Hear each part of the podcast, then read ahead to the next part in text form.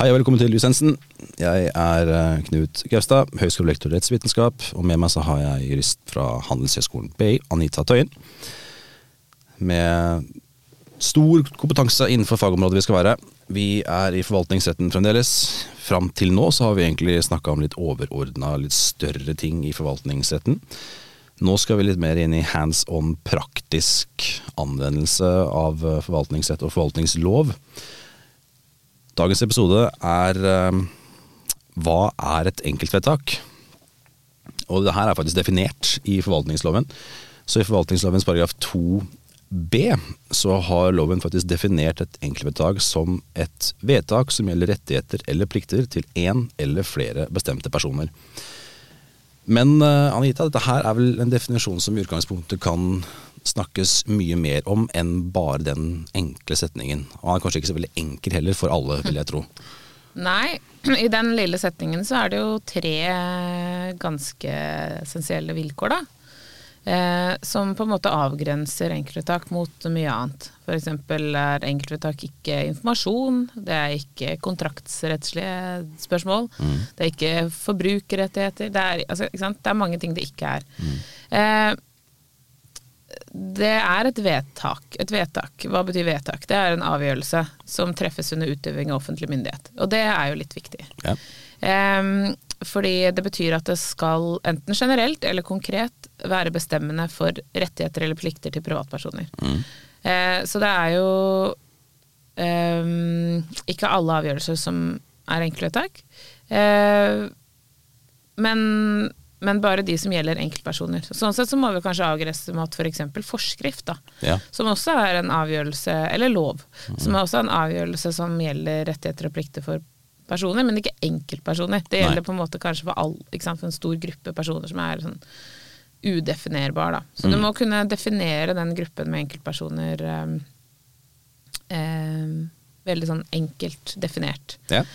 Um, ja, så der har vi på en måte vært gjennom de tre tingene. ikke sant? Det er vedtak, altså noe som gjøres med offentlig myndighet. Ja. Og så gjelder det rettigheter og plikter. altså Det skal på en måte forandre den eh, tilstanden vi er i i dag, da, på et eller annet vis. Enten at du får rett til noe mer enn det du har i dag, eller noe mindre enn det du har i dag. Eller at noe pålegges deg å gjøre. Ja.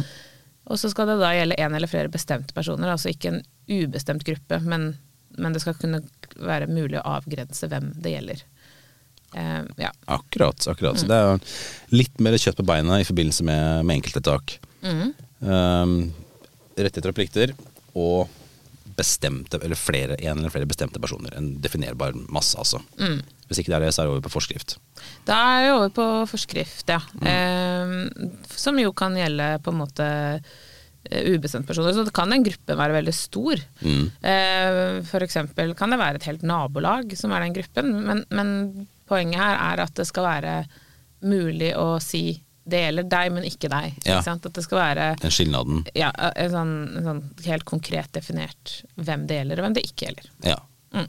Så for, for, for, studentene våre her på Kristiania, eller for øvrig på BI også for så vidt, så er det jo det er jo da en, Alle har jo en egen lokal forskrift som gjelder for alle, men disse vedtakene gjelder da enten for en spesifikk person, eller en klasse, eller et eller annet sånt hvis det er noe som angår et øremerka Ja, det kan f.eks. være alle som tok den eksamenen. Det mm. kan være et enkeltvedtak. Men de aller fleste enkeltvedtak vi gjør, det gjelder jo én person. Ja. Eh, det er jo det vanligste. Enten at du får et svar på en søknad. Eh, det kan være om tilrettelegging, da, f.eks., som mm. vi har vært inne på før. Eh, eller om eksamensrett eller opptak. Ja. Eh, er jo absolutt aktuelt. Mm. Eh, eller så kan det være inngripende i dine rettigheter på et eller annet vis. F.eks. et vedtak om at du blir utestengt pga. fusk. Ja. Eller at du mister studieretten. Ja. Um, ja. Så det er typiske enkeltvedtak. Det det ikke er, er f.eks. Uh, spørsmål om hvilke muligheter som finnes. Og, der kan den grensen noen ganger være litt uklar. da. Mm. Fordi at du søker f.eks. om noe som det ikke går an å søke om.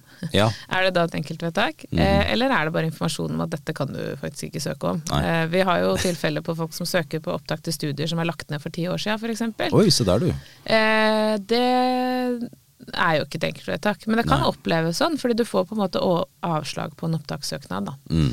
Så det er ikke sånn helt svart og hvitt, og noen ganger så er de der linjene med hva som er enkeltvedtak og ikke, litt sånn blurry. Mm. Og mitt råd da har jeg ofte at eh, hvis, det, hvis du er usikker, eh, så er det bedre å følge reglene for enkeltvedtak enn å ikke gjøre det, Ja. stort sett.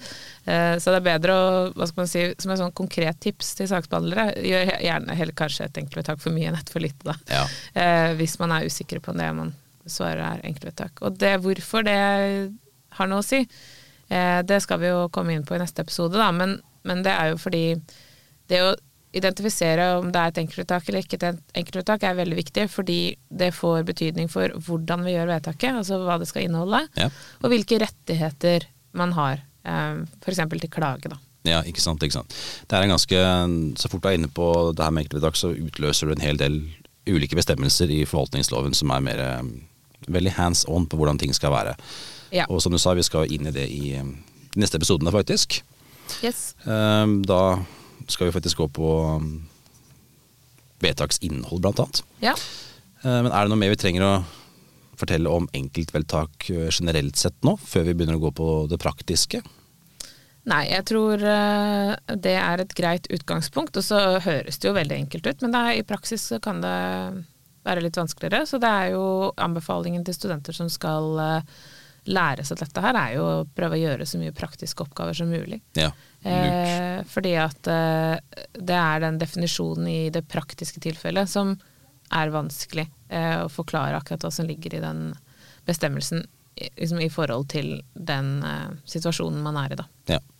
Så det er et tips hvis man har lyst til å bli veldig god på enkeltuttak, så er det å diskutere og lese masse praktiske eksempler. Fantastisk. Da fikk dere noen helt ypperlige praktiske råd fra selveste jurist Tøyen. Så da tenker jeg at da runder vi av episoden nå, og så fortsetter vi med litt mer praktisk info rundt enkeltvedtak i neste episode. Da høres vi. Hei.